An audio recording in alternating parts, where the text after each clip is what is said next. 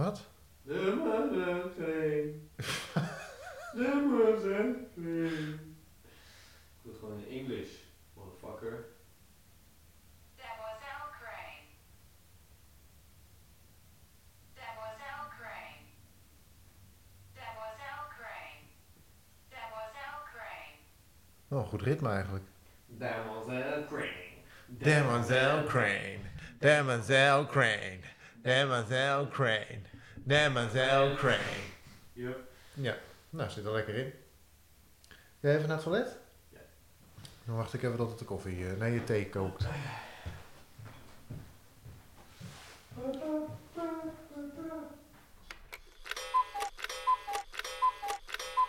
Hey uh, Arjan. Ja. Dus, uh, aflevering 10 hè. Aflevering 10. De Ik uh, wil graag beginnen met een applaus voor ons. Oké, misschien is het goed om even de ontstaansgeschiedenis te bespreken. Eh, ja, dat is best een goed ding. Mensen denken natuurlijk- niemand dit. Hoe, wat is dit? Wat- Waarom is waarom, dit... wa- Waarom wa- luister wat- ik hier al tien afleveringen naar? Precies. Waarom blijf ik dit Waarom opzetten? blijf ik dit luisteren? Ja, leuk dat je blijft luisteren trouwens. Dat is wel prettig. Is echt wel prettig na tien afleveringen. Boris, duik eventjes twee jaar terug in de tijd.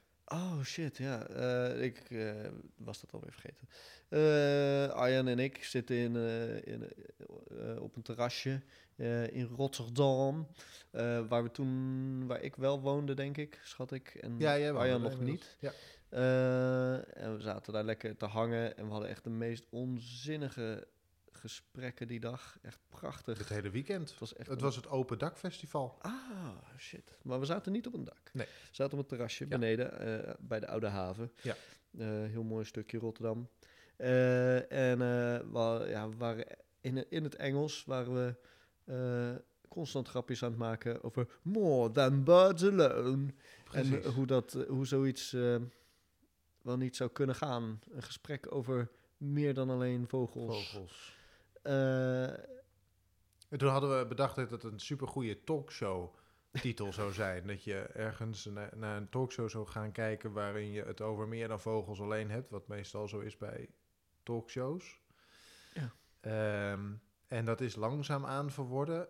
Afgelopen zomer, toen was ik, zat ik ergens in Zuid-Amerika op een terrasje, denk ik. En toen dacht ik opeens, het, een podcast over meer dan vogels alleen. Daar zit Nederland op. Nou, niet alleen Nederland, daar zit de wereld op te wachten. volgens mij hadden we dit da- daarvoor al besloten. Ja? Ja, ik heb jou namelijk een cadeautje gegeven daarvoor, toen, voordat je wegging, die iets met vogels te maken had. Ja, maar of dat al meteen met die podcast zat, weet ik Volgens niet. mij hadden we al... Ja? Een blauwdruk? Ja, ja, nou, nee, geen blauwdruk. We hadden gewoon het idee om dit te gaan doen. Dat Ja. was het vooral. En jij hebt dat een beetje uit, oh ja, ik heb het vormgegeven eh, en vormgegeven. Op dat terrasje in Zuid-Amerika, ja, precies. Als je dan eh, verder niks anders aan je hoofd hebt dan... Ga- waar ga- ga ik hierna naartoe? Ga je dit maar dan bedenken. ga je dit maar bedenken. Ja, dat is waar. En zie daar kwam uiteindelijk in september, denk ik, opeens weer, nou zoiets, de allereerste aflevering van hiervoor. Birds Alone voorbij. En toen veranderde mijn leven voorgoed. Ieders leven, Arjan. En jouw leven Ieders. en ieders leven inderdaad. de veranderde wereld. Voorgoed. De wereld had een podcast over meer dan alleen vogels. Heb Eindelijk. je mijn kop gegeven. Hoe vind je dat leuk? Eh, Arjan heeft mij eens een eh, theemok eh, gegeven waar hij zelf op staat als hij een interview krijgt met RTL Nieuws Ja. voor de NS of over de NS. Ja, 4 mei was ik op het RTL Nieuws eh, vanwege eh, de nationale herdenking. Eh, alle treinen staan dan twee minuten stil om acht uur. En ehm, mijn goede vriend Martin, met wie ik de podcast Het Kampvuur maak, die heeft mij als cadeautje een kop gegeven waarin, waarop een screenshot staat van Een kop met je kop. een kop met mijn Erop. kop erop. Ja. En je bent de eerste die er... Ik heb me nog niet uit durven drinken. Omdat ik het een beetje narcistisch vind staan of zo. Nee joh, dat is toch prachtig. Maar jij bent eh, degene die, eh, die het spits mag afbijten. Af, van, Oké. je kop van De, de kop mag, mag afbij- afbijten. Ah, ja, fijn. fijn. Nee, Dus- prettig. eh thee is nog een beetje heet, dus ik kan nog niet echt vertellen hoe die ervaring is om uit jouw kop te drinken. Maar ik zal het je zo laten weten. Misschien moeten we door naar de vogels. Dat kan. Want het gaat dan wel over alleen, meer dan alleen vogels.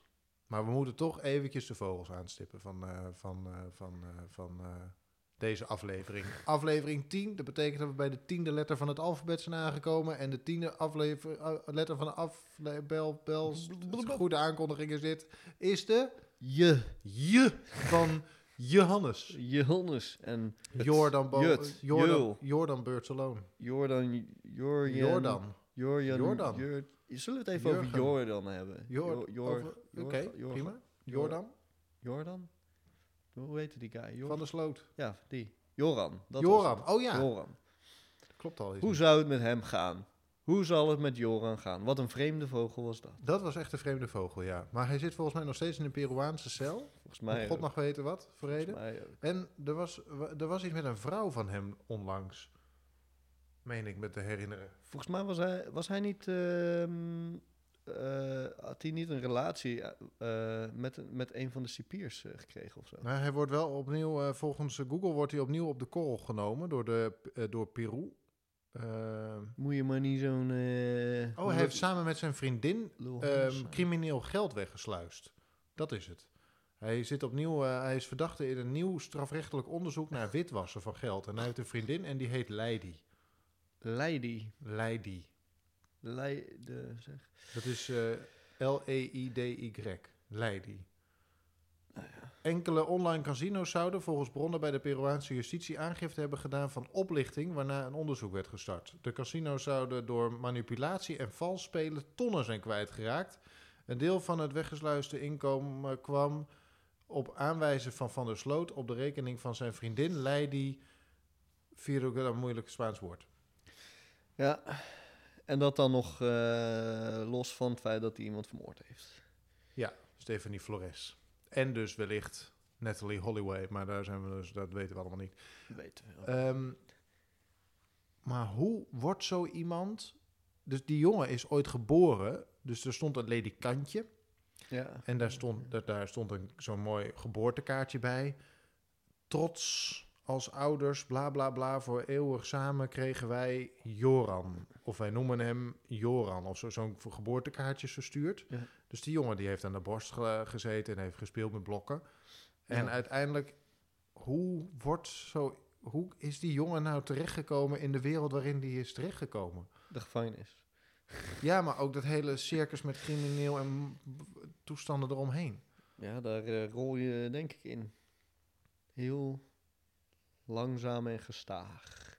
En als je sommige keuzes maakt in je leven. Eh, en soms moet je keuzes maken in je leven. Soms eh, is het niet eens zo heel eh, vrijwillig.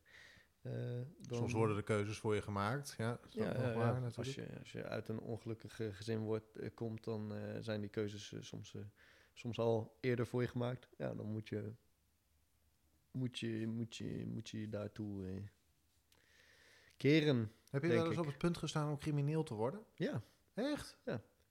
Ik zit even te denken of dit... eh eh, maar je hebt de keu- dan heb je de juiste keuze gemaakt om het niet te worden. Ja, Of- maar ik heb, het, ik heb dat wel heel bewust gedaan. Eh, ik had... eh, nou, ik, ga, ja, ik zit te denken, moet ik dit vertellen? Ja, maakt op zich niet zo heel veel uit. Eh, ik, ik heb best wel een keertje LSD gedaan in mijn leven. En na een tijdje had ik de mogelijkheid om gewoon eh, heel veel te, te krijgen. Eh, en toen dacht ik, wat nou als ik dit ga doorverkopen? Dat best makkelijk, eh, makkelijk business. Ik ken best wel wat mensen die ook geïnteresseerd waren daarin. Ehm, en eh, ja, dan, ik, ik, ik kon daar goedkoop aankomen en ik kon dat voor een stuk duurder verkopen. Het was gewoon een, een, fair, een fair trade, gewoon eh, ja, handel, zeg maar. Behalve dan dat het zwaar illegaal is en harddrugs is. Dus uiteindelijk, ja, is een klein, uiteindelijk eh, heb ik toch besloten eh, dat, het, dat het dat niet waard was. Dat het het risico niet waard was om dat te gaan doen. Want ik, ik kan wel die nice, eh, die chille drugsdealer zijn die gewoon niet meegaat in al die gekke spelletjes en, en moeit, moeilijk en, en, en oorlogen en vechten en schieten. Dat hoeft dat voor mij allemaal niet en ik, ik mag die hippie, hippie drugsdealer zijn. Alleen de drugsdealers om je heen vinden Zijn waarschijnlijk... niet zo hippies. Die, die zijn niet zo hippie, denk ik. En die, die vinden daar misschien dan toch wat van, of zo. Misschien, weet ik niet. Ik, ben, ik heb daar geen, niet echt verstand van. Ehm, en ja, ja, ik weet niet. Dan vond ik het een, een- de gok niet waard. Maar de gok van Uit- je... Nou, of, of in zo'n wereld terechtkomen, in, in echt een harde criminele wereld, die volgens mij echt hard kan zijn en gemeen. Eh, of de cel in eh, belanden. Maar wanneer, wa- wa- wa- hoe gaat zoiets? Dus je, er gaat- staat gewoon op een gegeven moment een gozer voor je en die zegt... Hé hey joh, ik heb een hele portie eh, eh, spullen. Dus eh, als je nog een beetje geld wil verdienen, dan, dan kan ik je wel knipoog, knipoog, knipoog wat helpen. Knipoog, knipoog, knipoog. Nee, nee, nee. Het was niet dat iemand mij aanbood om drugsdealer te worden. Het was meer dat ik, ik geïnteresseerd was in het gebruiken daarvan. Ehm, en eh, nou ja, toen, ja, ik werkte ooit dus ergens eh, met iemand en toen, eh, ja, toen, toen hadden we gesprekken daarover en, toen bleek dat hij, dat, dat hij wel wat had liggen. Nou, en Wat nog verkocht moest worden of zo. ja, ja, en hij had gewoon wat over. Nou, prima. En dat, dat waren hele kleine hoeveelheden die ik kocht. Maar hij zelf was eigenlijk... Vond dat, hij vond dat eigenlijk te kleine hoeveelheden. Maar ja, hij vond dat prima, want eh, gewoon een keertje fine.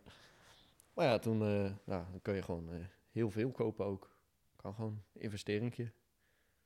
Het is een, een makkelijke investering. Maar het geld loont er niet zo erg dat je eraan eh, zou gaan beginnen. Nee. Nee, ja, ja. Ik denk dat je dat oprecht wel echt... even kijken. Ja, dat, dat gaat heel veel keer over de kop, hoor. Dan, eh, het is een kleine investering voor... voor en dan kan je Voor een hele hoop geld, eh, ja. eh, mee verdienen. Maar ik, ik, ben niet, ik ben gewoon niet zo geld ge- georiënteerd. Ik, ik, hoef, ik, ik hecht daar niet zo heel veel waarde aan. Dus op een gegeven moment heb je nee gezegd. Ik ben een eerlijke jongen, hè, Arjan? Ja, je bent, ja. Je bent, dus je hebt nee gezegd? Of zo, Nee, ik heb dan- niet nee gezegd. Nee, nee, ik heb niet de inkopen gedaan die ik moest doen om, om drugsdealer te worden. Ja, precies. Dus je hebt niet het, eh, het pakketje eh, gekocht. Daarmee zeg je een soort van nee tegen de, tegen de, eh, de, criminele, de criminele wereld, zeg maar. Dus je hebt een soort van keuze gemaakt, ik ga hier niet aan beginnen. Ja, ja. Ja, laten we dit... eh, Ben je daar trots op? Ben je daar blij mee achteraf? Of denk je, ik, nou... denk dat, ik denk dat het de goede keuze is eh, geweest. Ik denk... eh, ik heb er oprecht wel even mee rondgelopen hoor, met dit idee. Maar ik... ja, en ik, zag daar ook niet per se... En, en nog steeds niet, whatever. Eh, ik, ik ben heel erg blij met alle met, met de, de trips die ik heb gehad, zeg maar. eh, in, met, met psychedelica. Eh, en dat wens ik iedereen ook toe. Om dat, om dat te mogen ervaren en te kunnen ervaren. Maar ja, ik, nee, ik hoef dat niet. Ik hoef niet per se diegene te zijn die dat in, in grote hoeveelheden in het rond strooit. In een regio als op een straathoek staat. Met Met een, A, met een, met een met- A4 aan LSD eh, in zijn zak. ja. Nee, dank je. Wauw. Oh, interessant. maar goed, als iemand... eh, nee, dat ga ik niet eh, hier verkondigen. Nee, dat mag in het 18 plus eh, stukje, of 16 plus, 18 plus is iets heel anders weer. Het, het 16 plus blokje hier achteraan. Ja. Wauw. Nee, joh, dat, eh, het, is, het is ook heel makkelijk om aan te komen. De dru- drugsbeleid in Nederland is gewoon niet heel moeilijk. Nee, die oorlog zijn we redelijk aan het verliezen, hè? Voor als je net een oorlog... eh, Eh, hangt er vanaf aan De welke overheids- kant aan welke ja, de, overheid, staat. de overheidsdiensten die noemen het een oorlog en die zijn het eh, gruwelijk aan het verliezen natuurlijk. Ja, dat denk aan ik ook. kanten. Zeker, zeker aan eh, de hoeveelheid eh, pillen die verkocht worden en zo. Dat is echt gigantisch veel. Dus je kunt het echt 100% beter gewoon controleren. Ik heb dus en, nog en nooit zo'n pil in van dichtbij gezien, hè? Ik heb me ergens in een al die verhalen gaan Ja, nee, maar er is. Ik heb me een hele tijd ontzettend afzijdig gehouden tegen alles wat eh, hip, en ik maak aanhalingstekens naast de microfoon, hip was of zo, of stoer. Daar, daar liep ik altijd met een wijde boog om, eh, omheen. Ik wilde dat helemaal niet. eh, dus in de tijd waarop je daarmee kunt experimenteren of zo, of in eh, aanraking kunt komen met eh, mensen die dat dan bij zich hebben, dat waren over het algemeen de stoere, coole, hippe gasten of dames. Eh, en daar was ik per definitie niet bij in de buurt. Dus ik heb dat, dat is, de, nou, ik begrijp dus nog steeds niet hoe je aan eh, dat soort, Aan drug. ja, ik Komt. ben er altijd ver, te- ver bij, van gebleven. Ja. Ja, dat, dat is ook... ja, de- je hebt wel gelijk dat dat gewoon... Je moet, je moet uiteindelijk iemand leren kennen die weet hoe die daar aankomt. Eh, ja, Anders ga je daar zelf ook niet per se aan, aankomen. nee. Ga je het ook niet uitproberen, denk ik. Je maakt, je maakt het ook niet zelf uit een eh blad sla en een komkommer. Je hebt van die scheikundigen die dat doen, maar... eh, heb ik ook wel verhalen over gehoord. Maar, Het loopt meestal niet zo goed af, hè? wat, oh, nee, nee oh, juist, juist best oké, hoor. Oh, Nou ja, als je, een als je gewoon als je scheikundige bent, weet je gewoon ja, dan weet wat, je wat overal, wat natuurlijk. overal erin Ja. moet, hoe je dat doet. Ja. Eh, is best eh, te doen. Maar als ik daar morgen mee begin, dan denk ik dat ik een paar keer een nieuw dak mag bestellen. Maar ja, goed, je noemt iemand ook niet na één dag eh, scheikundige. Oh nee, daar heb je een opleiding voor Ja, natuurlijk. is ook zo, ja. Moet je Als gewoon een eh, een vak geleerd voor, eh, voor studeren Ja. wel. Nou, over een vak geleerd hebben gesproken. Ik was eh, afgelopen of twee weken, nee, vorige week was er, twee weken geleden was er Circusstad in Rotterdam. Circus Stad. Circusstad. Ja. Eh, Ik heb het dit compleet gemist. Oké, Dus ik ben ik niet, want ik ben door mijn vriendin naar, voor mijn verjaardag naar twee optredens meegenomen. Super vet. Eentje waarvan was in het oude Luxor. En dat waren mensen die op de een of andere manier het voor elkaar kregen om de zwaartekracht te laten verdwijnen. Want die mensen die gooiden met elkaar en met zichzelf over dat podium heen en bouwden torens. Waarbij je denkt, dit, dit kan niet. Waar van, van is- elkaar. Torens van elkaar. met elkaar. Met elkaar.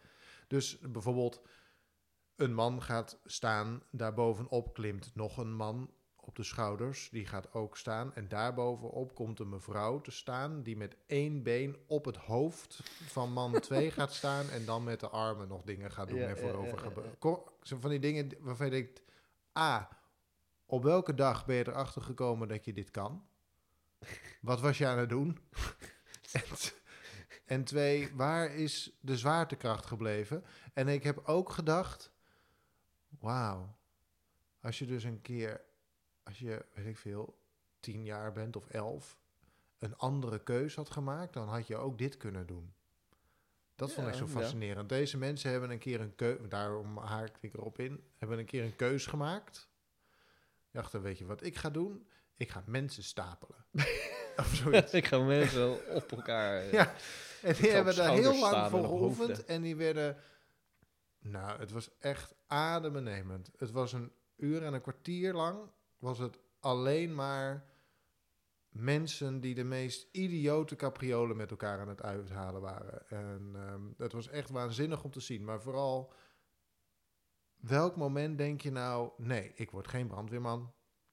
Ik ga ook niet... eh word ook geen scheikundige. Eh, en eh, nou ja, conducteur lijkt me ook niet alles. Ik ga acrobatiek doen. Ja, nou, En ehm, ik heb eh, vroeger eh, heb ik circusles gehad. heb jij circusles gehad? Ja. Ik zat op eh, circusles, Circus Jopie in Utrecht. Clown Boris? ja, ja, ja, oprecht. Ik, heb, ik heb opgetreden als, als Echt? clown nog. Ja, ja Nee, ma- joh. een, een maffia-clown ook nog. Dus eh, die drugsdealer. Het beste van twee werelden. ja, precies. een clown met een lange zwarte jas en een lange, grote zwarte hoed. Ja, ja. ik maar wel nog, met een rode neus ook. Een rode, ja, ja, rode neus. Ja, voor de rest gewoon eh, volledig eh, clown. Eh, en een beetje slapstick dingen, dingen doen. Op grote rode ballen lopen. Dat, dat vond ik erg leuk. Geweldig. Het was een, dit, dat in het oude Luxor, dat waren, zij dansten ook. Dus het was dansacrobatiek eigenlijk. Ja. En dan deden ze af en toe dingen ook synchroon, waarbij je denkt, dat kan... als je alleen danst, dan is dit synchroon krijgen al echt knijter ingewikkeld. Maar dan wa- waren het ook nog halve acrobatiek dingen die dan synchroon gingen op de muziek. Nou, het was echt, het was adembenemend om naar te kijken. Maar toen moest ik denken aan ehm, onze uitstapje eh, eh, voor oudjaar. Toen zijn we naar Guido Weijers geweest. Ja. Ook in het oude Luxor, zelfde zaal. Eh, en er zat schuin achter ons zat er een mevrouw die de hele tijd grapjes aan het meedoen was. Daar hebben we het ook over gehad in de podcast. Iemand die dat de hele tijd, vlak als er een grapje is geweest, zegt... Oh ja, dat is heel grappig. je denkt, oh, kut, hou je bek. Nu zat naast nu ons een een of andere babyboomer... die dus de hele tijd aan het meemompelen was met wat hij zag. In een doodstille zaal zit dan iemand naast je en die zegt... Oh, helemaal op de tenen. Oh ja, dat is wel pittig, ja. Of, oh, daar gaat ze. Ja. Nou, het heeft me echt moeite gekost. Mijn vriendin zat tussen hem en mij in. Maar mijn vriendin kwam telkens dichter tegen mij aan zitten... omdat ze hoopte dat ze dan uit een soort van gehoorsafstand van die man terecht kwam. Wat natuurlijk niet gebeurt, want Nee, je zit er nee. naast. Eh, maar het heeft me echt, echt moeite gekost om niet op een gegeven moment te zeggen... kunt u uw commentaar voor u houden? Terwijl dat natuurlijk eigenlijk het sociaal wenselijke is. Maar op de een of andere manier is dit dus wat, waar ik me ook bewust van was. En ik hou dus eigenlijk denk ik iets te veel rekening met mensen. Maar ik dacht, ja, dit is de manier waarop die man heel fijn naar zoiets kijkt. Ja, ja, ja. ja. Dus moet je die man dan zijn manier van uiten... of zo, moet je die dan begrenzen... ja, ja, Oh, dat vond Ja, ik dat echt is een, eh, heel dat is, eh, ingewikkeld moreel dilemma, vond ik dat. ja, dat, dat is Want als ik iets indrukwekkend vind, doe ik ook zoiets, zeg maar, hand voor je mond en zo'n eh, zoiets. tegenkomen. Alleen ik heb het veel minder snel dat ik er uiting aan wil geven, audiotechnisch, Met woorden. met woorden en zo, dan die meneer. Maar ik kan me ook voorstellen dat, dat als je dat niet doorhebt, dat je vervolgens heel erg gaat letten op, oh god, zeg ik niet wat. En dan haal je zo iemand ook helemaal uit zijn beleving. Dus- je- ja, ja, ja, heeft mijn manier van iets beleven dan voorrang op zijn manier? Nou, dat ik, daar heb ik me wel een beetje door laten afleiden. Omdat ik dat dus de hele tijd aan het berekenen was, kan ik wel iets zeggen hiervan. Ehm, heb, je, heb je ook een conclusie? Denk je, ik kom dit ook wel, ik, ik zelf kom dit ook wel tegen. Ik vind het een heel, heel interessant vraagstuk wat je opwerpt. Eh, maar heb je, eh, heb je een, nu een harde mening waarvan je denkt, nee, ik ben blij dat ik het wel heb gezegd of niet heb gezegd? ik heb het uiteindelijk Ehm. niet gezegd. Eh, maar ik weet, niet, ik weet dus nog steeds niet of ik daar nou goed aan heb gedaan of niet. Ja, zo iemand gaat natuurlijk ook niet, die gaat niet kunnen veranderen hoe die dit, of wat hij wat die hier doet, toch? Ik bedoel, dit, dit, ga je, dit doe je niet heel bewust, zo meepraten met een, met een voorstelling. Nee, dus het kan, eh, het, het kan eigenlijk dan kan er twee kanten op. Hij doet het niet bewust. Ehm, maar vindt het wel heel fijn. Dus op het moment dat ik er iets van zeg, voelt hij zich daarin belemmerd. En gaat hij dus heel erg de hele tijd letten op... Oh nee, ik mag dit niet doen. Ja. Ehm, of hij, vindt het, hij heeft het niet door en hij vindt het heel vervelend eigenlijk. En hij wil dat ook helemaal niet doen. Dus hij is blij dat iemand zich hem erop wijst. Maar Dat kan ga- ook nog. Nou, hoezo zou hij het vervelend vinden? Wat hij zelf. Dat Nou, iemand dat kan. anders tot last is. Ja, maar Dat, dat, kan ja, maar dat helemaal weet- niet zijn bedoeling zijn. En als niemand dat tegen hem zegt, dan kan het best zijn dat hij dat helemaal niet van zichzelf weet. Ah, zo, oké. Je leert iemand iets over zichzelf. Ja. Ja. Maar ja, is dan midden ja, in zo'n voorstelling, is dat dan het juiste moment? Want dus zat ik ook nog te denken, ik kan het ook na de hand doen. Maar ja, dan kun je zo'n gesprek krijgen over... Ja, meneer, als u het Oh, dan vervelend had gevonden, had het, dan meteen, ja, had het dan meteen gezegd. nou ja, als je daar eenmaal die gedachte over de vrije loop laat... dan loop ik uiteindelijk vast in zoveel opties dat ik uiteindelijk niks doe. Lastig, lastig. Maar ehm, Ik, eh, ik had eh gisteren, ja, ik denk, ik denk dat het gisteren was, eh, had ik iemand in, in de trein. Een vrouw, twee vrouwen die, die met elkaar een heel gezellig middagje hadden blijkbaar. Eh, hadden, hadden ook een lekker baarcoachje erbij. Heerlijk een ontspannen. baarcoachje in de Heerlijk ontspannen. Heerlijk Ik zeg. vond ze een beetje irritant wel. Maar goed, wat ik dan, wat ik stiekem het meest irritant vond, eh, en dat vond ik dan weer moeilijk van mezelf ook, was dat e nou, een van die twee wijven kon toch lachen. Dat was echt gewoon hysterisch gelach, zeg maar. Na, gewoon echt recht naast me. Eh, en ik, ik weet ook niet wat ik daarmee moet doen. Ik, ik heb uiteindelijk heb ik mijn eigen mening een soort van gewoon bijgesteld. Ik dacht, ja, als iemand fucking lol heeft, dan moet je dat... de- ik dacht ook, moet, moet dit begrensd worden, zeg maar? En ik, ik ben zelf van mening dat het in dit geval in ieder geval niet begrensd... Dat je niet moet willen dat het begrensd wordt. Als iemand echt een schaterlach heeft, zeg maar. Ja, goed, dan, eh, dat is toch fantastisch ergens. Als iemand zoveel lol heeft... Ja, eh, superleuk. eh, om de wereld of om elkaar of wat dan ook. Ja, fantastisch. Dat mag, mag zelfs dan bijna meer. Maar ik zelf vond het wel op dat moment heel irritant. Terwijl ja, als jij gewoon naar, naar fantastische eh, acrobatiek eh, kunsten aan het kijken bent, of, of wat voor andere kunsten dan ook, dan, ja, dan kun je juist daar die ratio een beetje verliezen. Ja. En eindelijk eens een keer niet denken. Precies, hè, dat zou saai zijn. zeg. fijn. Ah. Doe me denken aan onze vogels. Ja, we zijn een We beetje, zijn beetje, beetje afgedwaald.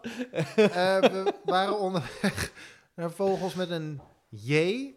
We hadden, de vorige keer hadden we allebei dezelfde, maar dat is nu niet het geval. Dus Boris, go and say your G-bird, man. My G-bird. Een J-bird, hè? Een J-bird? Nee, de- Ehm, niet de J-bird, de G.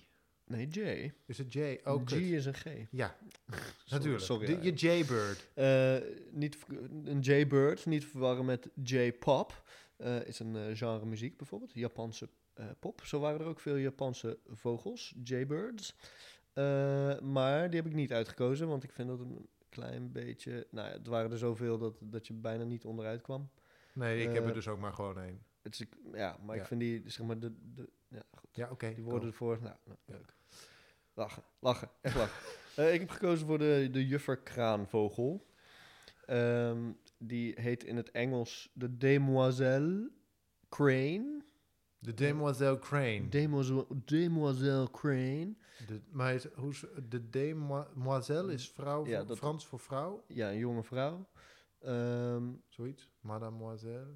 nou, dat, nou, oh, volgens mij is Mademoiselle is dan weer wat anders. Demoiselle is een jonge vrouw. Oké. Eh, die is, ehm, nou, en juffer is, komt volgens mij ook van eh, het Nederlands woord juffrouw, eh, wat ook een jong- jonge vrouw is. Die is zo genoemd ook, omdat, omdat de, deze vogel, deze kraanvogel op hoge poten, zo elegant en synchroon beweegt met de groep.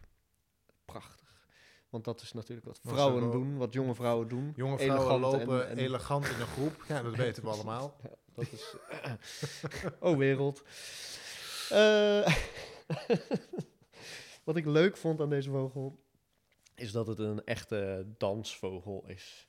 Deze vogel die danst niet alleen om eh, te, eh, wanneer hij wil paren. Nee, niet, niet alleen maar. Deze hangt niet alleen maar in de disco om een beetje aan de zijkant te- van, de, van, de, van de dansvloer te staan. Ja, te knikken op de beat. En, eh, en te zeggen. Dat hey, ook eh, alleen maar hey, hele stoere schatje, mannen eigenlijk. Hey, eh, kom, je mee, kom je mee met mij dan? Dat is, wat, wat, dat is niet wat ze doen. Nee, deze gaan er helemaal voor. Deze staan dag in dag uit. Staan ze op de dansvloer, buiten, whatever. In de regen, in de kou, in de sneeuw. Staan ze lekker te dansen in groepen van honderd tot duizenden vogels. Gewoon duizenden vogels. Duizend vogels. Duizend. Maar om, Eh, is dat in de balstijd? Ja, dat is. eh, nou, dat, eh, dat dus niet. De baltstijd is, eh, is dus eh, om te paren. Ja. De, de paartijd. Ja. Ehm, maar dat is het dus niet. Oh, Deze gaan gewoon, eh, wat ik zeg, het hele jaar door. Maakt niet uit of ze, of ze willen paren of niet. Voor, ze hebben een paringsdans, sure.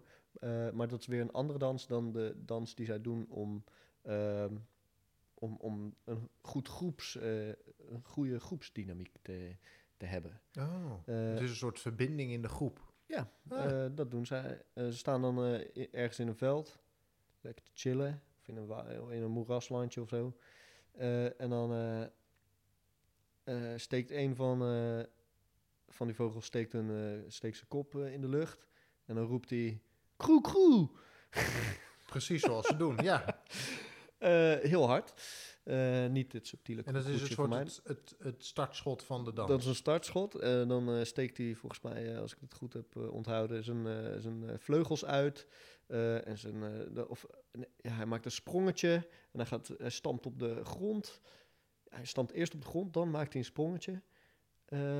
of twee of zo. En dan nou, heeft hij dus een, ja, dat is het start zijn. En dan soms gaat iedereen, gaat, gaat gele- gaan geleidelijk meer vogels eh, eh, meedansen. En soms gewoon allemaal tegelijk. Eh, en dan gaan ze synchroon eh, de, de dans aan. En dan, eh, dan, dan, dan dansen ze lekker hun, eh, hun Dus dat sprongetje, die kraak, kraak, kroe, Kroe, kroe. En, die, eh, Kroe, en dat stampen, dat is een beetje de tik, tik, tik, wat dan een drummer doet vlak voordat de muziek Ja, begint. ja. zeg maar. Zo, En de 1, en de 2, Ja, en de drie. 3, en de 4. Doem,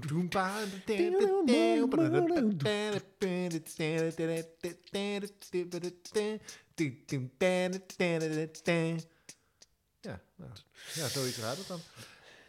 Interessant. Dus dat is de juffer kraanvogel. Waar vinden we de- dit, eh, dit majestueuze dier? Eh, Europa een beetje. En eh, vooral bij, door, door, door Azië. Van, zeg maar vanaf Rusland. A nou, Rusland is Azië. maar een groot deel van Rusland, Azië en, en China volgens mij ook nog. Hmm. Tot, tot China, tot met China. En ze, ze zijn ook in Nederland te vinden. Oh, Dus, eh, dat een, of so- so- sommige van hun eh, eh, plekken om te chillen is ook is in Nederland. in Nederland. En België ook. Dus als je dansende groepen vogels ziet in een weiland en je denkt, hè? Dan weet je vanaf nu, dankzij deze aflevering van More Than Birds Alone, het is... De, De juffer kraanvogel. En ze doen het niet om te paren per se. Nee, dus Eh, geen balsdans. Ze zitten gewoon lekker te toestand. dansen. Juist. Ik eh, heb een vogel uitgekozen die in ieder geval niet hier in Nederland voorkomt. Dat is de, namelijk de Japanse kuifibis. Ik heb dus een so- soort van gesmokkeld eh, door de J van Japanse te kiezen. Ehm, hij wordt ook wel de Japanse ibis genoemd, zonder kuif, maar hij, hij heeft wel een kuif. Dus het is eigenlijk gewoon de Japanse kuifibis. Ja, dat vind ik wel. De grap van de Japanse kuifibis is, is dat hij grotendeels in China voorkomt. China, Japan. En, ja, nou ja, het is toch allemaal, ligt allemaal in die hoek. Ehm, ze zijn ehm, eh, voor het grootste gedeelte komen ze nog maar voor op een heel klein stukje in de Chinese provincie Shaanxi. Ik heb geprobeerd om dat uit te spreken. Misschien eh, kan ik dat nog even. Oh, hier is de uitspraak. Ook even mijn geluid van mijn telefoon. Het is wel prettig om even de goede eh, uitspraak te doen. Shaanxi. Shaanxi. Nog één keer. Shaanxi. Zo spreek ik het uit. Ehm, en eh, er zijn er nog maar heel weinig van. Dus er zijn broedprogramma's zowel in China als in Japan om ervoor te zorgen dat het aantal wat omhoog komt. Want waren uiteindelijk in- ergens gedurende de tijd waren er nog maar een handjevol paren eh, in China over. Nu zijn het er iets van 300, maar het is dus een ernstig bedreigde eh, vogel, die Japanse eh kuif ibis, die je dus vooral in China ziet. Hoe ziet, er zo, eh, hoe ziet zo'n beestje eruit? Het ziet eruit, ehm hij heeft een, ehm, een wit verendek, rode poten. Eh, niet al te hoog, maar ook niet, ook zijn redelijk lange poten, maar niet van die... eh, Niet zo'n stel te lopen. Niet, van, dus niet zo'n stelteloper. Hij heeft dus een, een, een, rood, een rode kop met een hele lange snavel, die zo krom naar beneden Ah, afbuigt. ja, ja. En dus een, een kuif die niet in, niet, lang niet in alle ehm, gevallen eh, goed ontwikkeld is. Ehm, de man heeft nog mooie rode s- eh, veerdetails bij de vleugels. En de kuif is eigenlijk een soort... ken je de GVR? Ja, de, De grote, vriendelijke Die had, had van dat wat, wat zo'n half kalige hoofd met zo'n dikke, zo'n zo'n zo'n zo'n wat meer hoofd, eh, haar op het achterhoofd. Ja, zo'n soort eh, grijze krans. Precies. Nou, eh, zo ziet het er een beetje uit. Als, een, als iemand die, daar, die, die zo'n zo'n zo'n band om Een zijn oud, oud mannetje. Ik zal even een oud- foto oud- naar je ophouden. Ah, Zo ziet dat er dan eh, uit. Dus hij heeft wat plukken flink, achter op flink, zijn Ja, precies. Heeft soort achterhoofd. ja, dons. Dons, achter op zijn hoofd. ja, precies. Prachtig. De Japanse kuifkubus. kuifkubus. Kubus. Kuifkubus. een kuifkubus. De Japanse kuifibis. vierkant. Als je dus in China ziet en je ziet de, bent en je ziet deze, maak dan echt een foto, want je kunt wel eens de laatste zijn. En maak niet de, de verwarring dat het niet de Japanse kuifibus is, maar de Chinese kuifibus. Nee, dat want is de de- Japanse ja, kuifibus. Die in China, China. voorkomt.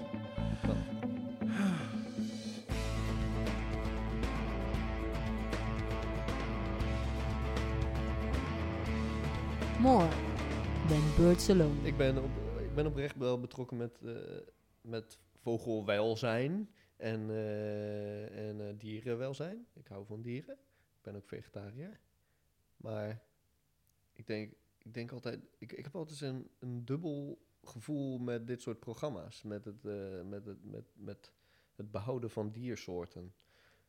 Omdat ik dan denk, ja, maar ik bedoel, leuk dat die programma's er zijn, maar moeten we niet gewoon met z'n allen stoppen met de wereld te verkloten?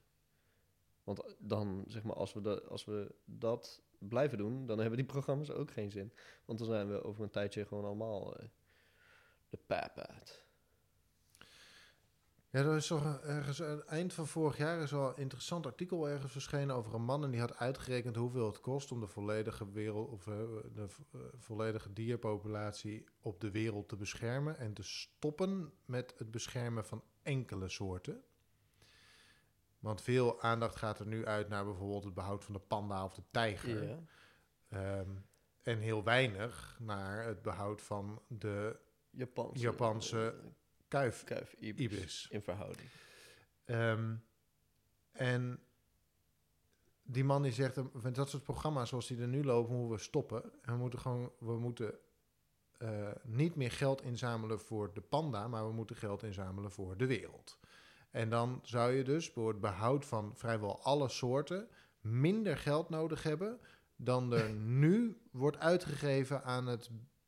Wat? Ja, Wacht, voor, eh, dus oké, je, je, je gooit al het geld wat je inzamelt op een hoop. Ja. Daarmee red je, ben je bezig met het behouden van alle diersoorten? Of de, Nou, vrijwel alle. Maar je gaat accepteren dat een aantal dieren, dat, we, dat die uit gaan sterven. Ja. Dat doe je namelijk nu ook. Ja. Dus het uitsterven van dieren is op zich aan zich ook niet het probleem, want het gebeurt de, dat gebeurde altijd al. Dus sommige Ja, sure. Maar je bent gewoon bezig met, het, met, een, met een soort eerlijke en logische verdeling Juist. van het geld. In plaats van, hey, de, de, Dit is een knuffelbaar dier, let op. We ja, dus de, panda wil de panda kun je hebben, dus, rustig eh. laten uitsterven.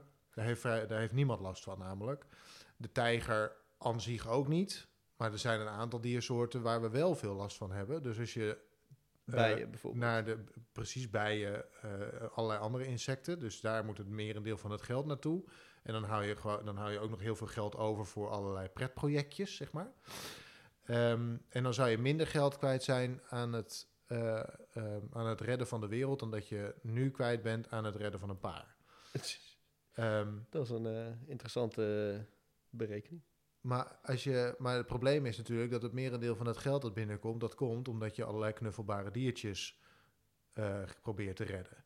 Dus hoeveel geld komt er Ah, binnen Ja, ja. als je alleen nog maar zegt, kijk deze bij.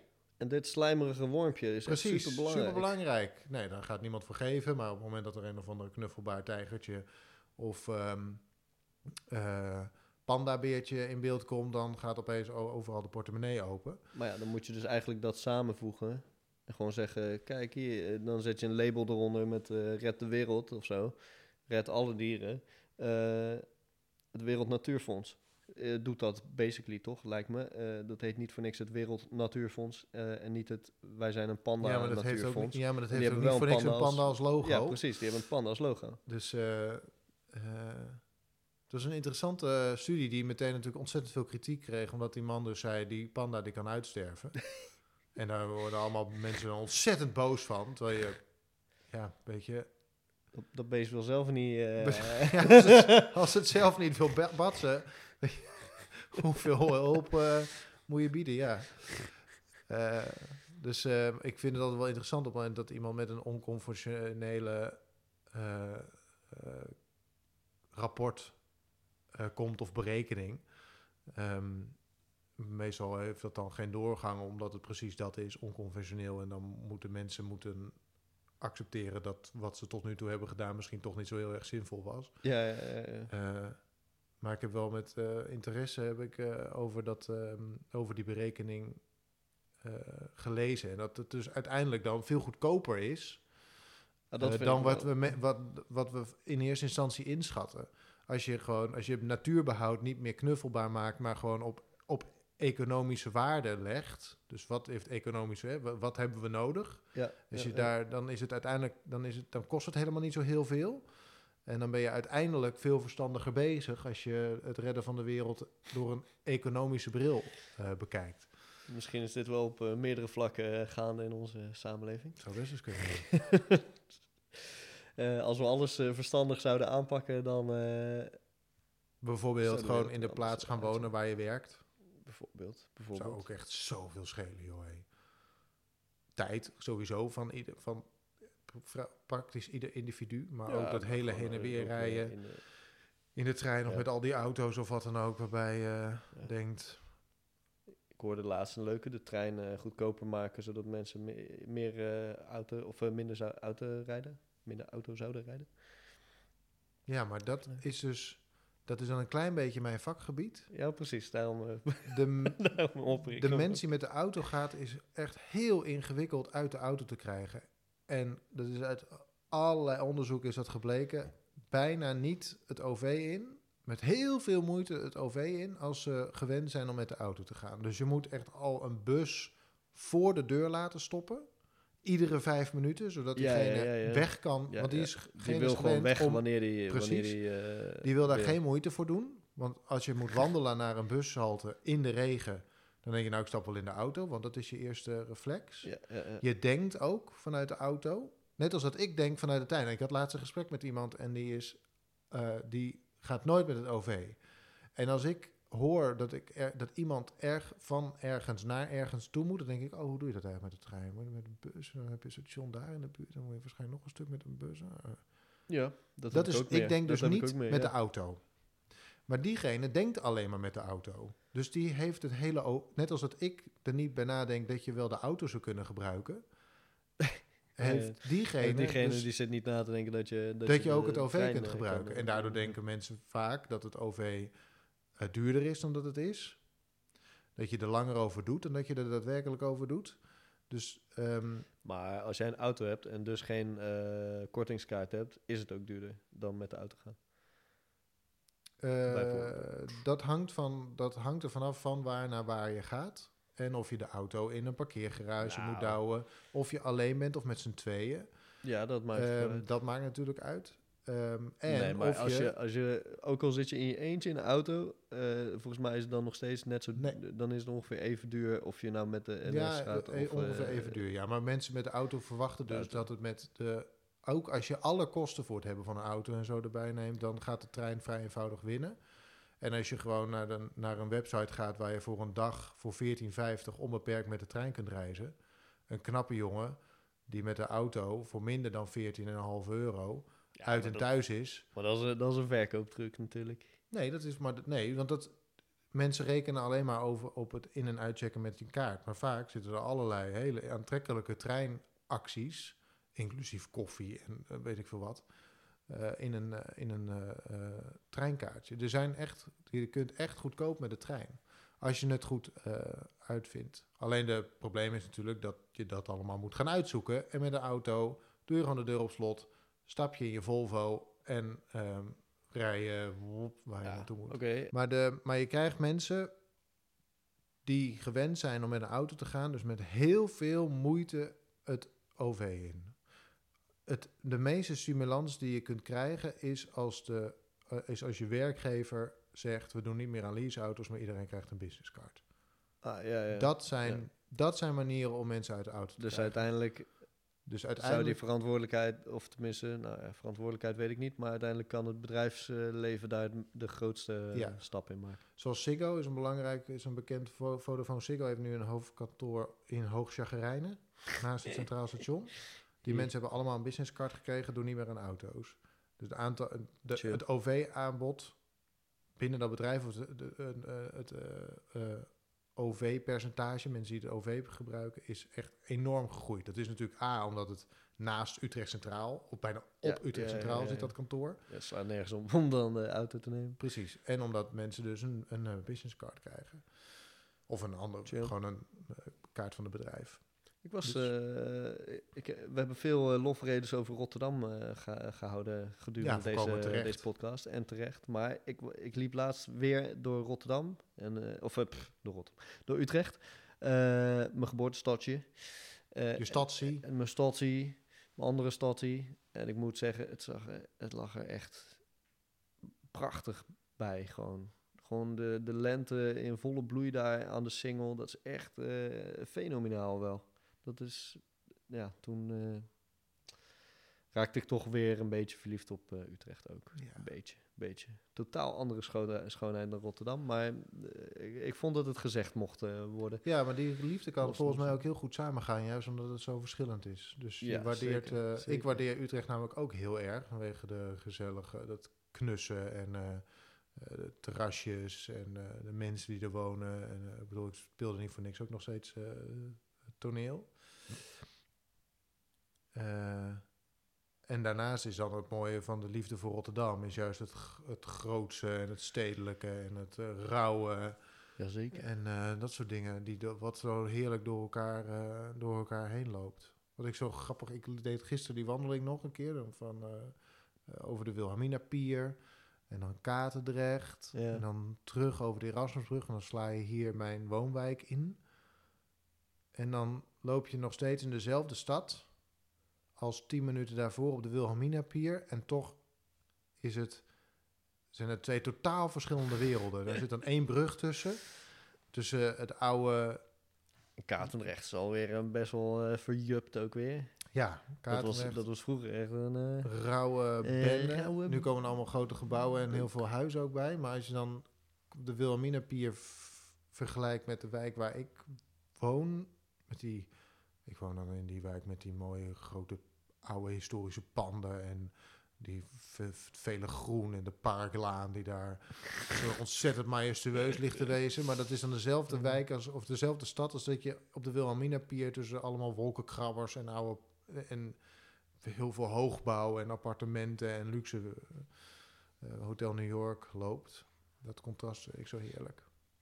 Dat is zeker eh, mooi contrast. Ik denk dan ook nog even aan eh, iets dieper zuid en iets, eh iets Ja, westelijker. dat ziet er dan weer het, helemaal eh, anders uit. Ja. Compleet eh, verkrekt ook kan zijn. ja. En dat heeft, Utrecht natuurlijk heeft dat minder. Utrecht is, gewoon is, een, eh, is gewoon een heel mooi poppendorp. ja, dat. Ja. En, eh, een beetje Madurodam. eh en dat is fantastisch. Oh, is echt schitterend, maar het is, Mooi. niet, eh, ja, het is heel anders dan Rotterdam. Dus die twee dingen kunnen heel goed naast elkaar bestaan, denk ik. Ja, ik denk dat er in Rotterdam meer contrasten samenkomen. Dat het, zeg maar, sure, Utrecht en Rot- Rotterdam zijn mooi in contrast, maar in, in Rotterdam zelf leven meer eh, eh, contrasten eh, om en met, nou, vooral met elkaar mee. De ene wijk, nou ja, de ene straat zelfs, is, is gewoon is super ruw. Terwijl de straat, de, je loopt om de hoek en daar is het ineens super verhipt. Ja. Eh, en dan eh, weer een andere straat. En dan kom je, kom je in een villa-wijk. En eh, nou, dat gaat allemaal dwars door elkaar heen. Of zo. Ja. Als je een keer in Rotterdam bent, dan moet je wat mij betreft, als je, dan moet je een keer naar het Grote Kerkplein. Hartje centrum. En dan moet je even om je heen kijken hoe afschuwelijk het daar is. Bedoel Het is- op Westblaak of eh Nee, het, eh, het- gewoon bij de, bij de kerk. Laurenskerk? Daar dat Ah, parkje ja, wat ze daar- ja, aan de andere kant dan. Ja, ja. Westblaak is, Ja, is, eh, nee, niet de Blaak, het grote maar- plein, maar de- aan, de, aan het plein van de kerk Ja. zelf. Ja.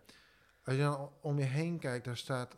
Dat is de ene lelijke pand naar het andere volgt zich daarop. Ik vind het, echt is prachtig. niet om aan te zien. Dat is een van de charmante dingen, vind ik ook, van de stad. Maar het contrast tussen die, dat, die, die, die, dat, dat, zeg maar, de omgeving waarin het grote kerkplein ligt, waarbij ramen letterlijk zijn dichtgespijkerd. Ja. eh, en dat je 50 meter loopt en dat je op een soort een hele bruisende stadsstraat terechtkomt. Dat vind ik echt. Dat wandelingetje moet je voor. Je loopt nog langs een een of andere elektriciteitscentrale die daar gewoon midden, die daar gewoon staat. Van de, Ja, die is van, wel van, de Die is wel echt gaaf. Het is echt een ratje toe van gebouwen en sferen. Ehm, en nu is het, het Grote Kerkplein een soort half parkje geworden. Dus het is iets minder betonnerig. Het was eerder nog, eh, nog, meer, nog meer versteend. Dus het is iets vriendelijker geworden. Maar ga een keer op het Grote Kerkplein staan. Kijk om je heen. Aanschouw de lelijkheid. En wandel vervolgens naar de Meent. En sla linksaf, denk ik. En dan kom je in een hele lommerrijke straat met die terrasjes. En dan kom je vervolgens op de Koolsingel uit. En dan is de wereld weer anders. Dan is Want dan heb, je die, dan heb je die enorme grote straat met die grote gebouwen en het stadhuis. En dat, dus die, je komt door, nou hoe lang is die wandeling? Laten we zeggen 250 meter. 10 minuten, Heb je- max. Heb je, vijf. heb je drie totaal verschillende steden gezien. Ja, vind dat is zeker waar. Dat is zeker waar. Hebben we er weer genoeg, eh, hebben we er weer genoeg lofzang over Rotterdam gehad? En Utrecht We eigenlijk. begon over Utrecht, hè? We begon over Utrecht. Prachtige single, Prachtige prachtig. single, Wat een ja. fantastisch idee eh, om, eh, om, om dat helemaal weer eh, verder te leggen, die single. Ja. En, en ook gewoon onder centraal door en of wat dan ook. Prachtig. Ja, Fantastisch. Ik ben blij dat... is nog steeds ik hoogchagrijnen. ben blij dat je tegenwoordig een, echt net een pad hebt langs Hoogchagrijnen. Dat je niet meer door Hoogchagrijnen hoeft om, om bij de Mariaplaats te komen. Je kan er nu lekker omheen. Ja. Prachtig. Lekker buitenlangs. Lekker buiten. Top. Ja. Top.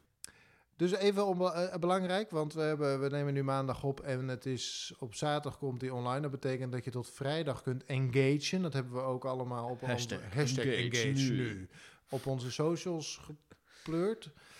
Om het allemaal mee te kunnen nemen, is het goed om eh, zaterdag weer even te bellen met elkaar. Dan zit jij in Berlijn. Ja. Eh, en dan kunnen we dan de Nog zo'n mooie stad. nog zo mooi is Ehm, en dan kunnen we dan even de, het engagement met elkaar eh, doornemen. Zo, zaterdagochtend. ehm, ja, we hadden afgesproken om even met Boris te bellen over de Engage nu. Boris zit in eh, Berlijn nu. Eh, dus ik hoop dat hij eh, antwoordt. Herr Eiern, Ah. guten Tag. Ist das der Boris und so, dass es mal sowas es was? Jawohl, jawohl, das ist Boris, ja. Aus Berlin. Und aus Berlin, in Berlin, in Berlin. Ah, hoe is het in Und, Berlijn? eh, ja, ja, heel chill. Wauw. Heel chill. Ik heb net eh, al een rondje geskateboard hier. Ja? In eh, een van de grootste, grootste skateparken van eh, Europa, volgens mij. Wow. Nou, dat is chill. Eh, en alles is hier gewoon eh, mooi en zo. En industrieel. En, eh, En lekker arty-farty. Vooral politiek en een beetje arty-farty. Ik denk dat wij het wel hip zouden noemen. zelfs zelfs ik zou het hip noemen, laat ik het zo zeggen. ah, lekker. En eh, we, ja, we moesten even bellen over de engagement natuurlijk. Want ik wil je niet al te lang van je skateboard eh, avonturen afhouden daar. nee, snap ik, snap ik. Hoe, eh, hoe, hoeveel engagement hebben we gehad? Deze, Nou, we hebben best wel wat engagement gehad. Eh, eh, likes, vooral. Ank natuurlijk, onze vaste supporter. Chill. Mijn vader die zei, we moeten nog engagen tegen mijn moeder. En mijn moeder keek mijn vader aan en dacht, eh, wat moeten we? En daarmee is er, eh, is er real life geengaged. ja, er is ontzettend real life geengaged, ja. Dus ik moet even wat mensen noemen. Ik moet mijn vader noemen. Hoi vader. Ik moet mijn moeder noemen. Dag mam. Ik moet mijn zusje noemen. Die het niet eens was met jouw zelfscankassenverhaal. Ook, ook niet na, na deze ultieme verheldering. Nou, Oh nee, die heeft ze nog niet gehoord nee, natuurlijk. dat, Daar dat zit natuurlijk gewoon in, in deze podcast. In deze ja. aflevering. Ja, In deze aflevering. in de, Oeh, meta. zo- waar we nu Nice. midden tussen zitten, omdat zometeen het verhaal van maandag weer verder gaat of zo. Ja, eh, we zitten in een timeskip. Ja, Dat is is leuk. de, ik heb nooit Back to the Future gezien, maar ik denk dat het zoiets moet zijn. Zo moet het voelen, toch? Denk het ook wel. Ik denk het ook wel.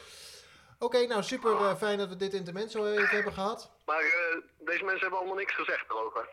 Nee, Verder. Ik bedoel, ze hebben alleen maar gezegd engagement. ja, en like. Oké. Like. Like.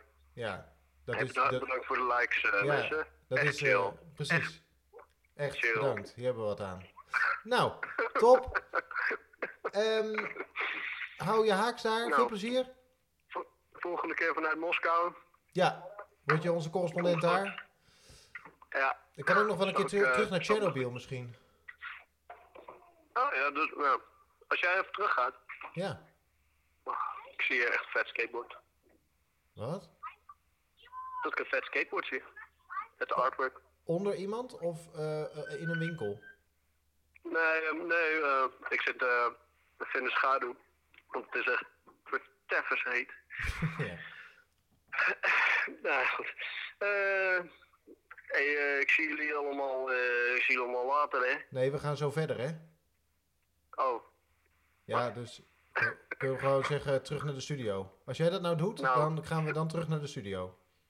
verleden tijd Boris, verleden tijd Arjan. Terug naar jullie. Ciao. Ik bedoel, Goedendag. Ach, ik ben echt dingen vergeten deze aflevering ook. Jij bent jarig geweest ik, en op die verjaardag heb ik gewoon ook echt eh, het over de onderwerpen van vorige keer. Ja, gehad, we moeten nog even, een, eh, ja, we moeten even terugkomen op Ja, daar gaan we de ehm, volgende keer dan. ehm, eh, de zelfscankassa. de zelfscankassa. Daar ik, ik was een echt hoop om, aangepakt toen. leuk, leuk. daar is een hoop om te doen geweest. Ja, dat, was, eh, dat is voor de volgende keer, denk ik dan, toch? Nee, dat kan nu. Oh, nu? Ja, dan hebben we Oh. een recap van de vorige aflevering. Nou, knip er Dus dan zo meteen even wat af. Ehm, dus, de zelfscankassa. Jij noemde het het kwaad van de wereld. Eh, ik zei, nou, er zijn ook nog wel echt mensen die, er wat, die erbij gebaat zijn dat ze, eh, of die het prettig vinden eh, Albert Heijn. eh, om eh, bij de Albert Heijn voor de zelfscankassa eh te gaan staan en niet eh, eh, quasi vriendelijk hoeven eh, te gaan zitten doen terwijl ze er helemaal geen zin in hebben. Mhm. En toen was er mijn verjaardag. Een grootse, een nog grotere hel dan de zelfscankassa. was Nee. mijn verjaardag. Nee, het was hartstikke gezellig. Ik heb, eh, ik heb hele leuke gesprekken gehad met hele leuke mensen. Eh, maar wat betreft de, de zelfscan-kassa, eh, wat betreft mijn verhaal daarover, eh, over dat, dat, eh, dat er bijna geen groter kwaad eh, bestond, daar waren ze het eh, niet echt mee eens allemaal. Eh, ja, wat vonden ze ervan? Ja, ik weet niet. Ik ben het nog steeds niet met ze eens. Sorry. Ik bedoel, ik heb hun mening aan, mogen aanhoren. En ze, ze kwamen met dezelfde argumenten. Dat, het, dat ze soms daar geen zin in hadden. En, en, en dat het zoveel efficiënter was. En weet ik veel wat. Maar vooral dat ze, dat ze gewoon soms na, na een dag hard werken. eh, en, en, en, en nep sociaal hebben moeten doen. Dan nog een keer sociaal moeten doen. En dan denk ik, ja, maar eh, ja, waar, waar leef je dan voor? Eh, je leeft toch om fucking sociaal te doen met elkaar hier eh, in, de- in de samenleving. Sure dat je dan af en toe... ja, dat je daar af en toe geen zin in hebt. Maar om dat helemaal uit te bouwen uit je, uit je, uit je systeem, zeg maar, wat je hebt met elkaar. Maar is de Dat keuze niet fijn? Want ik, eh, wacht, ik doe even een stapje terug. Want volgens mij, ik heb er ook over nagedacht. Volgens mij is jouw punt vooral dat de Albert Heijn dat niet doet Nee, dat is niet vanwege eh, het feit dat de bevolking dat eh, ook af en toe fijn vindt.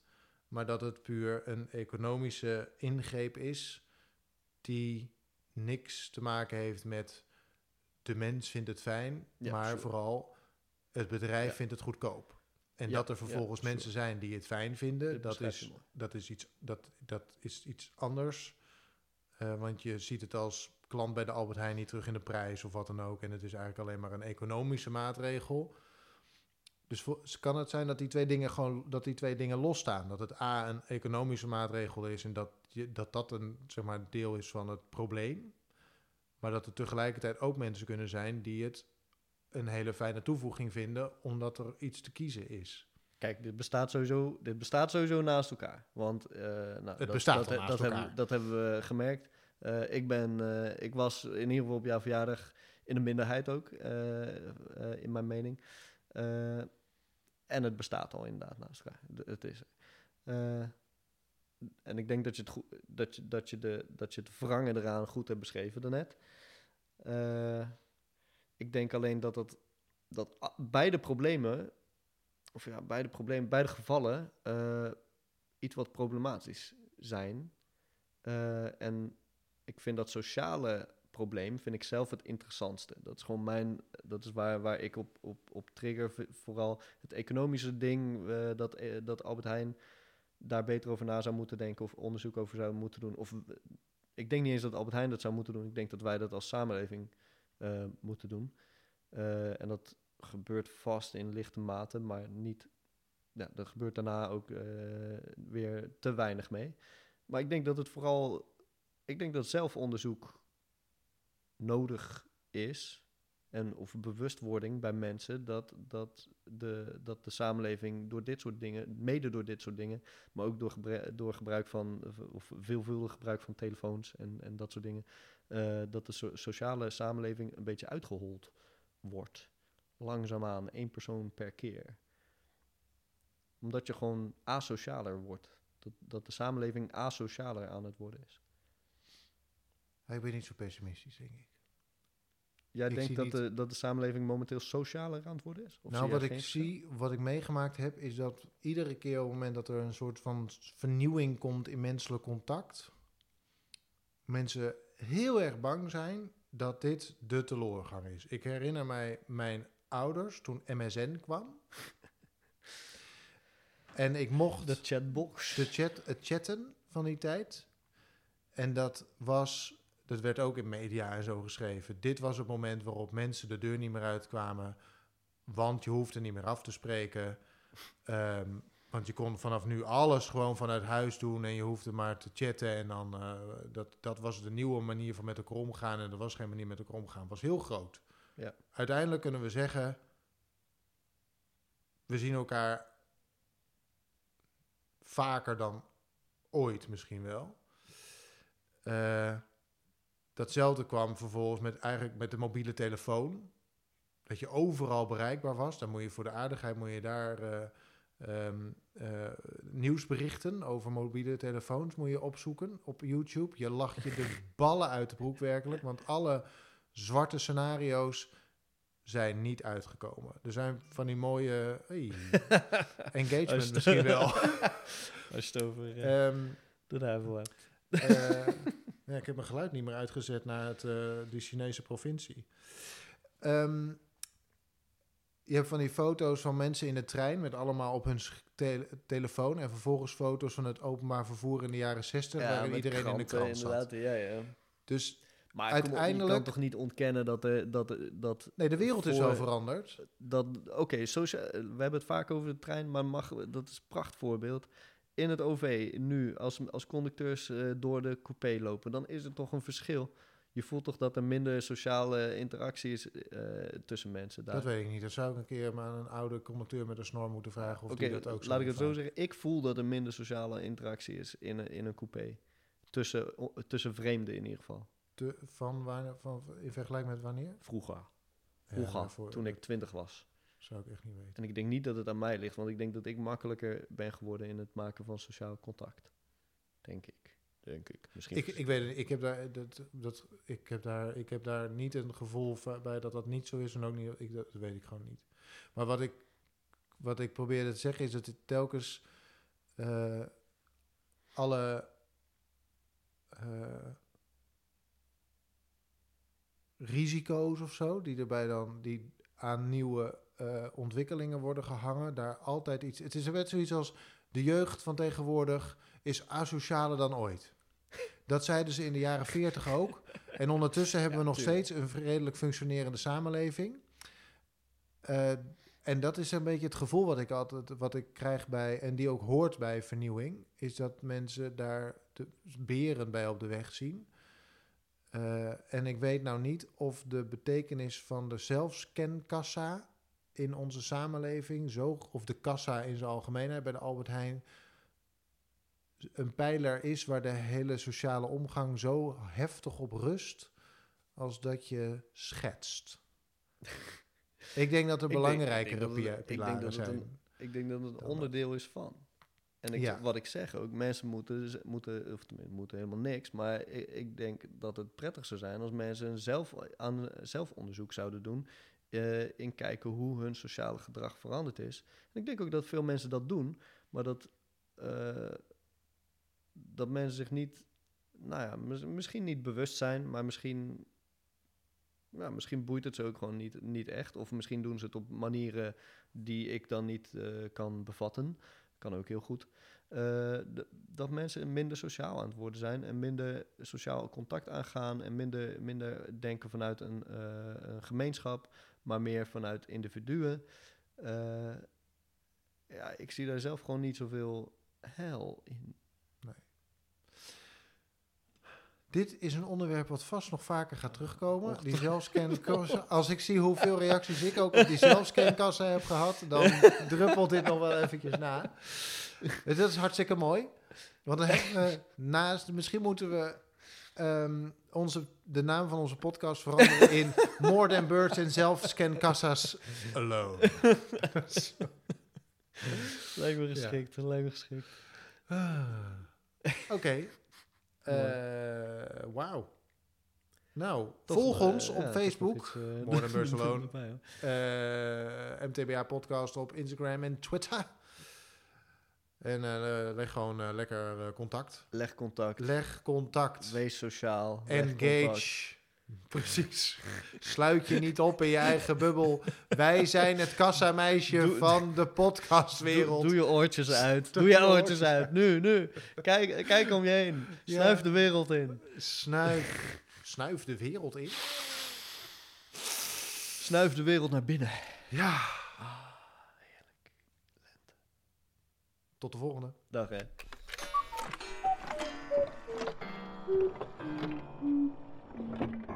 More than birds alone. Oh mijn god, die zelfscankassa's.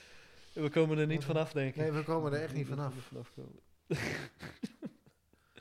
Ach ja. Ik moet zo meteen nog naar de Albert Heijn. Ja, ga je zelfscankassa gebruiken of niet? Nee, want ik reken contant af. Kijk. Oh nee, ik kan Ja. nu pinnen. Misschien gebruik ik de zelfscankassa. Ah, Ik heb zoveel zitten lullen. wil je het een keertje niet doen, alsjeblieft? Voor mij. Ik doe het meestal niet. Ja, chill. Nou, kijk. Vind ik prettig. Maar ik heb nu zoveel gepraat met jou. Ik weet niet of ik nog meer zin heb in sociaal contact. Nee, ja, snap ik. Sociaal. Bliep, bliep.